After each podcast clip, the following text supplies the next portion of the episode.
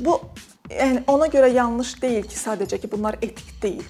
Bunlar ictimai yaddaşı formalaşdıran, yəni yavaş-yavaş onu inşa edən detallardır. Və bu detallar həm o ictimai yaddaşı formalaşdıraraq cəmiyyətə diskriminativ fikirləri aşılayır.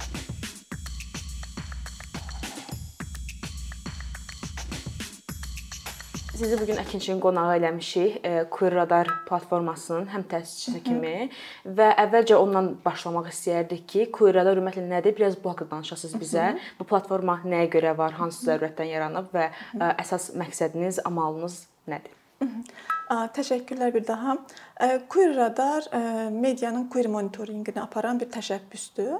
Biz bu təşəbbüsü keç təşəbbüsə keçən il start verdik 2019-cu.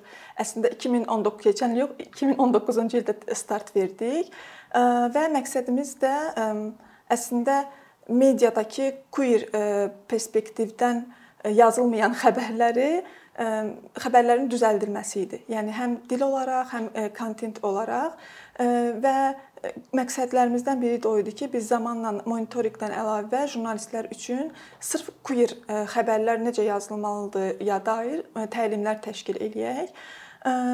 Baxmayaraq ki, bizim məqsədimiz əslində illik hesabatlar hazırlamaqdır, amma 2019-cu ildə biz bu təşəbbüsə start verəndə biz hesabatın başlanğıcını 2017-ci ildən qoyduq. Buna da səbəb o idi ki, 2017-ci ildə translara qarşı polis reydi keçirildi və bu reydin ardından mətbuat davamlı durmadan bu reyd haqqında fobik dildə yazılan kontentlər tirajlayırdı. Hansı ki, ümumiyyətlə heç bir jurnalist etikasına sığmırdı, tərkib olaraq, dil olaraq ümumiyyətlə problemli idi və birbaşa queer vətəndaşları hədəfə çevirirdi.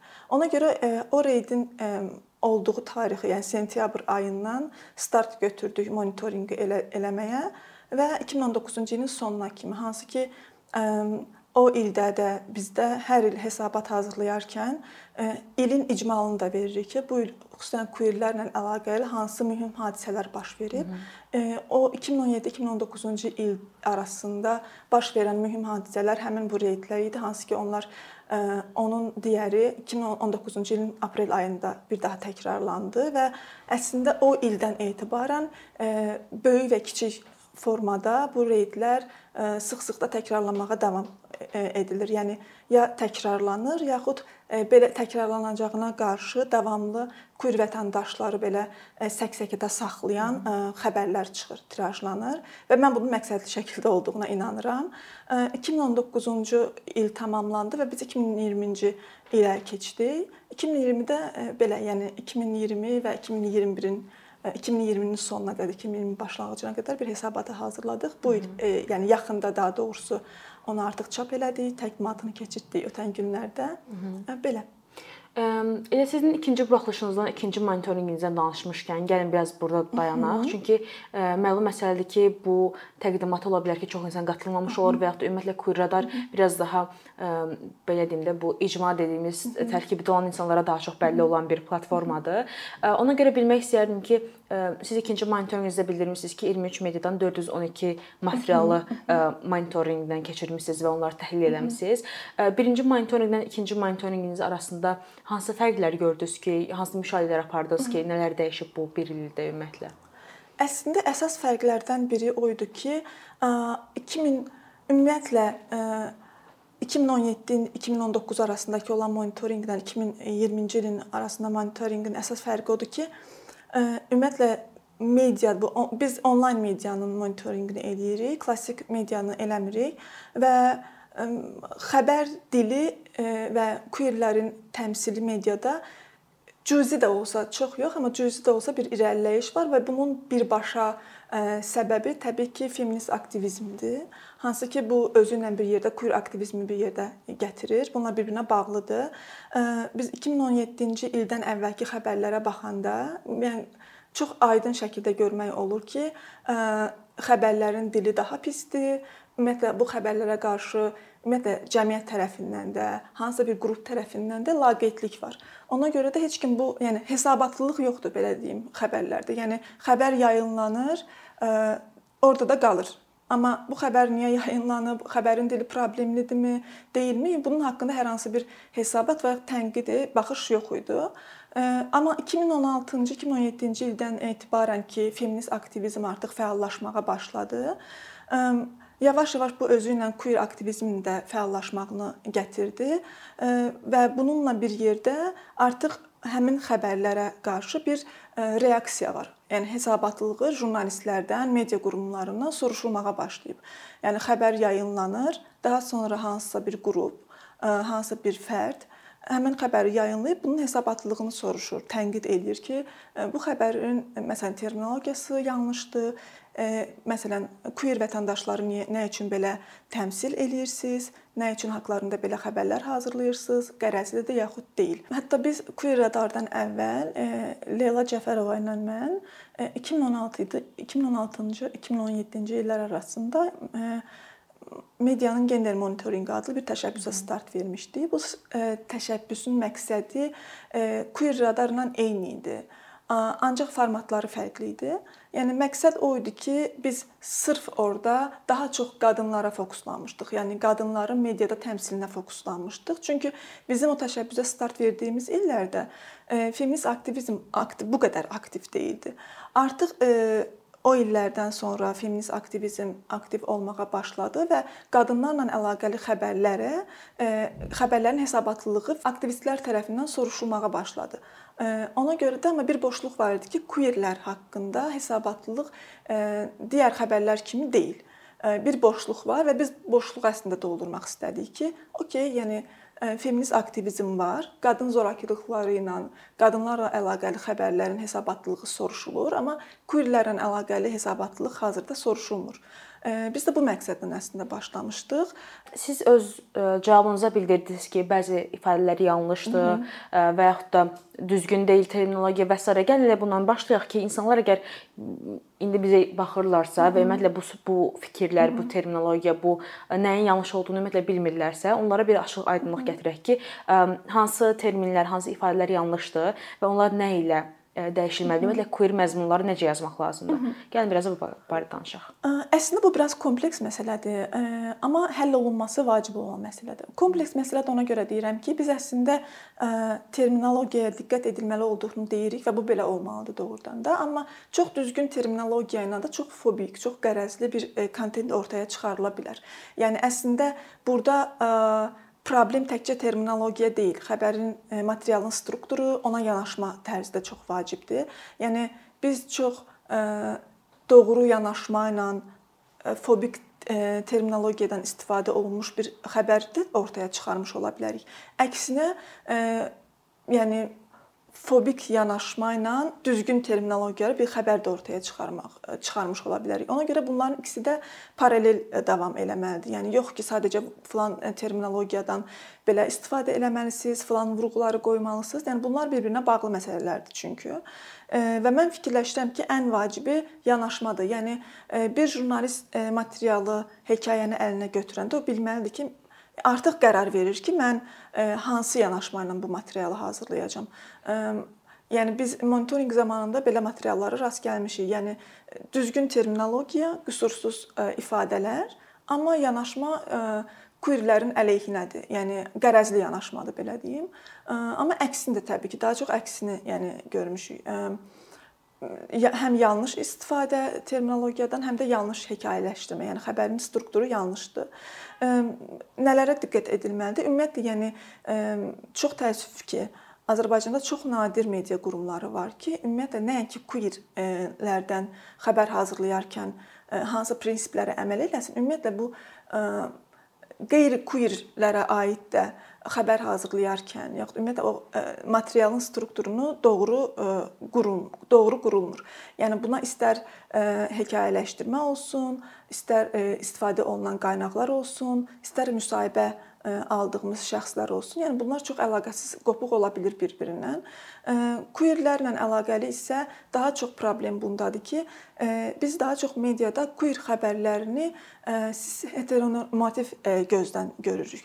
Yəni o dəyərlərlə şərh edilmiş xəbərlər görürük və adətən onsuz da o queer vətəndaşlar və onların hekayəsi sadəcə vasitə kimi istifadə olunur. Yəni oradakı yanaşma və yaxud məqsəd həmin o məsələni çatdırmaq deyil. Ha, ya maqazin sərləşdirilir, skandallaşdırılır, ya ümumiyyətlə yəni həmin o haqqında xəbər hazırlanan queer vətəndaş necəsə orada alçaldılmış olur, onun haqqları pozulmuş olur. Məsələn, bir trans haqqında xəbər hazırlanırsa, yəni həmin o trans orada sadəcə vasitə kimi istifadə olunur. Amma trans haqqında xəbər hazırlanırsa, orada biz görürük ki, pasportundakı ad istifadə olunub. Halbuki Hı -hı. bu yanlışdır. Yəni insan özünü necə bəyan eləyirsə, necə təqdim eləyirsə, yəni ancaq elə onun adını vermək lazımdır. Yəni yaxud translar haqqında çox sıx-sıx gördüyümüz problemlərdən budur ki,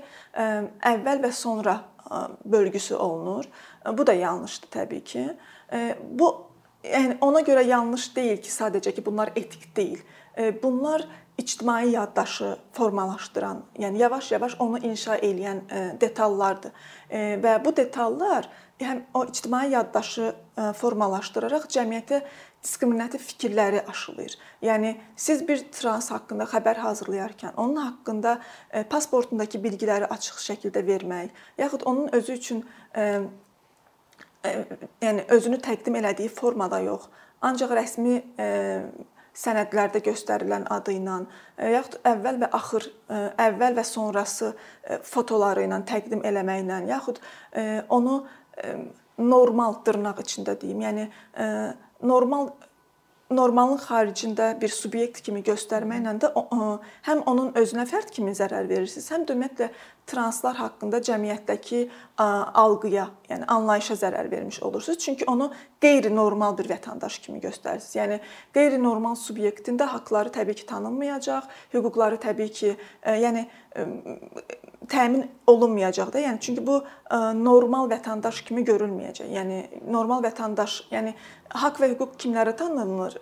Normal hesab olunan vətəndaşlar. Amma bu insanları çıxdaş eləməklə bu cür diskriminativ ifadələrlə, diskriminativ davranışlarla onları normal, yenə də dırnaq içində deyirəm, vətəndaşlıqdan çıxarırıq və qeyri-adi, qeyri-normal bir vətəndaşa çevirmiş oluruq. Məsələn, ümumiyyətlə homoseksuallar haqqında, ümumiyyətlə queerlər haqqında istifadə olunan azlıq sözü var. Bu azlıq sözü çox problemli sözdür. Ona görə ki, birincisi bu insanların azlıq kimi təqdim olunmasına birbaşa media özü səbəb olur. Yəni həmin insanların səsinin çıxarılmaması siyasi iqtisadi problemdir. Yəni bu insanlar səslərini çıxart çıxartmadıkca onları biz azlıq kimi təqdim eləyirik. Azlıq kimi təqdim elədikcə də bunlar artıq o dominant dominantlığını itirirlər və azlığa düşürlər. Ona ona görə orada bir qısır döngü yaşanır əslində. Ona görə cinsi azlıq istifadə etmək olmaz. Çünki queer vətəndaşlar, queer insanlar həyatımızın hər yerindədir. Ailəmizin içində, iş yerimizdə, onlar bizim həyat yoldaşımızdır, onlar bizim sevgililərimizdir, partnyorlarımızdır, iş yoldaşlarımızdır, nə bilim qonşularımızdır müdirimizdür məsələn, işçimizdir. Yəni hər yerdə queer vətəndaşlar var. Queerlərin özlərini coming out eləməmələri, yəni açıq-aşkar bildirməmələrinin səbəbi sırf siyasi iqtisadi gedişatdır, yəni problemlərdir. Çünki onların təhlükəsizliyinin təmin edilmədiyi bir yerdə özlərini açıq şəkildə təqdim eləyə bilməzlər. Ona görə də queerlər haqqında danışarkən azlıq onlar və biz bölgüsünü eləmək doğru deyil. Yəni bunlar ümumiyyətlə queerləri cəmiyyətdə, ictimai yaddaşda, yaddaşda neqativ yaxud doğrudan da normun xaricində qalan vətəndaşlar olaraq kodlayır. Bəs bu barədə qanunvericilik nə deyir? Siz artıq bayaq öz cavabınızda bildirdiniz ki, müəyyən yəni haqq, hüquq kimlərə var və media bunu necə işıqlandırır, amma həm də biz bunu biraz da e, hüquq mühafizə orqanları və ümumiyyətlə qanunvericilikdən bilmək istəyirik ki, bu haqqda e, hansı maddələr var və ya da qanunda bu e, təcəssüm olunurmu, əks olunurmu? Azərbaycanda ümumiyyətlə bərabərlik Konstitusiyanın 25-ci maddəsi ilə təmin edilir. Orda isə din, dil, irq, millət, yəni bu kimi bərabərliklərin yanında cins sözü də var. Ancaq problem budur ki, orada yəni hər nə qədər cins sözü istifadə olunsa da, hüquq mühafizə orqanları orada məhz cinsi orientasiya ifadəsinin olmamasından böyük sui-istifadə eləyirlər. Yəni çünki hər hansı ümumiyyətlə Azərbaycanda elə bir reallıq yoxdur ki, hansısa queer vətəndaş, hansısa trans vətəndaş ümumiyyətlə fərqi yoxdur. Çox rahat şəkildə gedib hüquq mühafizə orqanına başına gələn zorakılıqdan danışsın. Çünki birinci zorakılıq orada psixoloji yaxud psixoloji təzyiqə yaxud zorakılığa məruz qalan elə birinci şikayət vaxtı queer vətəndaşın özü polis tərəfindən olur. Yəni ya lağlaqlarla, ya ciddiyə alınmamaqla və ümumiyyətlə Azərbaycanda belə bir problem var ki, bu məncə hər kəs üçündür. Amma queerlər üçün ekstra bir vəziyyət var ki, polis nə polis, nə də media bir кейsi sonuna qədər izləmir. Yəni ümumi bir laqeydlik var. Ona görə də məsələn demək olar ki, Azərbaycanda queerlərlə əlaqəli xüsusi bir spesifik bir maddə də e, olmadığı üçün qanunvericilikdə e, bu onların hüquqlarını e, tələb eləməyə, öz hüquqlarını tələb eləməyə yaxud öz pozulan haqqlarını, hüquqlarını təmin eləməyə əngəl yaradır. Bəs biz burada bu tərəfdən baxaq ki, qanunvericilikdə əgər ə, queerlərin, LGBTQA dediyimiz ə, insanların ə, hüquqları qorunmursa, onlar özlərini necə qoruya bilərlər və bunun üçün ə, vətəndaş cəmiyyəti nə etməlidir? Aktivizm sayəsində əslində öz haqqlarını tələb eləyirlər. Yəni hazırda sosial şəbəkə şəbəkələrdə məsələn biz görürük ki, queerlər qarşılaşdıqları zorakılıqları, hətta dini ora etiketləyib şikayətlərini yazırlar. Amma reala gələndə polislər, yəni hüquq mühafizə orqanı queer vətəndaşların şikayətlərinə qarşı laqeyddir. Ona görə də insanlar artıq sosial şəbəkə üzərindən öz qarşılaşdıqları problemləri dilə gətirməyə başlayırlar və bu əslində çox yaxşıdır. Çünki biz statistikalara baxanda, yəni statistik bilgi istəyəndə monitorinq zamanı məsələn hüquq mühafizə orqanlarından ki, məsələn bu il sizə neçə queer vətəndaş hansı şikayətlərlə müraciət olunub bizə cavab gəlmir. Yəni ya cavab gəlmir, ya da sıfır məlumatı gəlir. Bu əslində real data deyil. Yəni biz çünki il boyu görürük ki, sosial şəbəkələrdə queerlər hansısa zorakılıqla sistematik şəkildə üzləşirlər. Amma polis polisə şikayət eləyə bilmirlər, yaxud eləyiblər, onların şikayətləri qeydə alınmayıb bir hesabatlılıq e, problemi var ortada. Yəni izlənilmir, laqeyd yanaşılıb. E, ona görə də əslində şikayətlərin olması çox vacibdir. E, çünki datada qalma, data formalaşması. Amma polisə belə şikayət eləmək, hüquq mühafizə orqanına belə gedib mən hansısa zorakılıqla üzləşmişəm, məruz qalmışam demək böyük imtiyaz, böyük imtiyazdır. Yəni hansısa hetero bir vətəndaş deyək ki, gedib polis bölməsinə mənim evimə oğru girdi deyə bilər. Yəni de demək e, imtiyazı var. Amma e, Azərbaycanda translar öz evlərindən çıxardılır. Yəni işığı kəsilir, e, yəni psixoloji təzyiqə məruz qalır ki, bu insanlar öz evlərini tərk eləsinlər. Bu imtiyazsızlıqların içində təbii ki, vətəndaş cəmiyyətinin dəstəyi queer vətəndaşlar üçün çox vacib olardı. Hazırda vətəndaş cəmiyyətinin gözlə görülər bir gözlə görünən bir dəstəyi queer vətəndaşlara çox təəssüf ki, yoxdur. Queer vətəndaşlar elə öz yaratdıqları platformalardan dəstək görürlər daha çox vətəndaş cəmiyyətinin elə bir real dəstəyi düz Azərbaycanda yoxdur queerlərə qarşı. Ümid edirik ki, növbəti illərdə olar. Çox sağ olun Leyla xanım, bu gün e, bizim qonağımız olduğunuz üçün ümid edirik ki, Əkinçi vasitəsilə həm insanlara bu mövzu haqqında hansı problemlər var, onları işıqlandırmış olaraq sizin sayənizdə, həm də e, belə deyək də alternativ üsullar da e, təqdim etmiş olaraq ki, əslində queer vətəndaşlara qarşı -hı. necə yanaşsaq daha düzgün olar və onları daha təhlükəsiz hiss edə bilərik. Çox sağ olun bugün gəldiyiniz üçün. Həssaslığınız üçün mən təşəkkür edirəm. Çox sağ olun.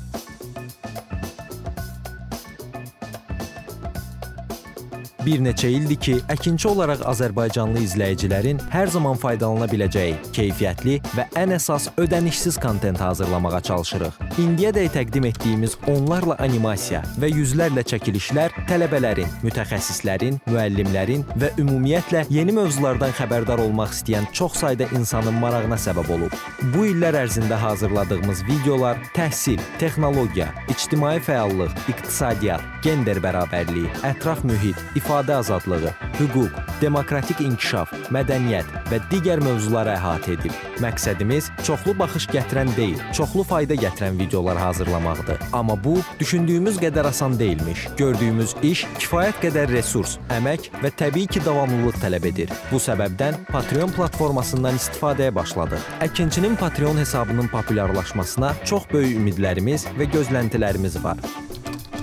Bəziləriniz Patreon haqqında ilk dəfə eşidirsiniz. Əslində çox sadə izahı olan bir platformadır. Təsəvvür edin ki, siz rəssam və ya musiqiçisiniz. Sosial şəbəkələrdə sizi izləyən, işinizi bəyənən çox sayda insan var. Patreon platforması sizə imkan verir ki, izləyicilərinizin könüllü aylıq ödənişləri sayəsində işinizi davam etdirəsiniz. Sərgi, konsert zallarından asılı qalmayasınız. Amma bu təkcə rəssam və musiqiçilərə aid deyil. Məsələn, əkinçiyə bənzər fəaliyyətlə məşğul olan bəzi layihələrin 10 minlərlə patronu var. Biz də düşündük ki, nə üçün əkinçinin Patreon hesabı olmasın? Sizin dəstəyiniz sayəsində biz daha çox və daha keyfiyyətli kontent yaratmağa davam edə biləcəyik. Amma bu dəstək yalnız maddi dəstək deyil. Dəstəkçilərimizin sayının artması gördüyümüz işlərin faydalı olduğuna dair əminlik verir. Patreon platformasından istifadə çox sadədir. Hesabınızı açırsınız, sizə uyğun dəstək növünü seçirsiniz və Patreon özü hər ayın ilk günü kartınızdan seçdiyiniz dəstək növünə uyğun ödəniş tutur. Bu qədər.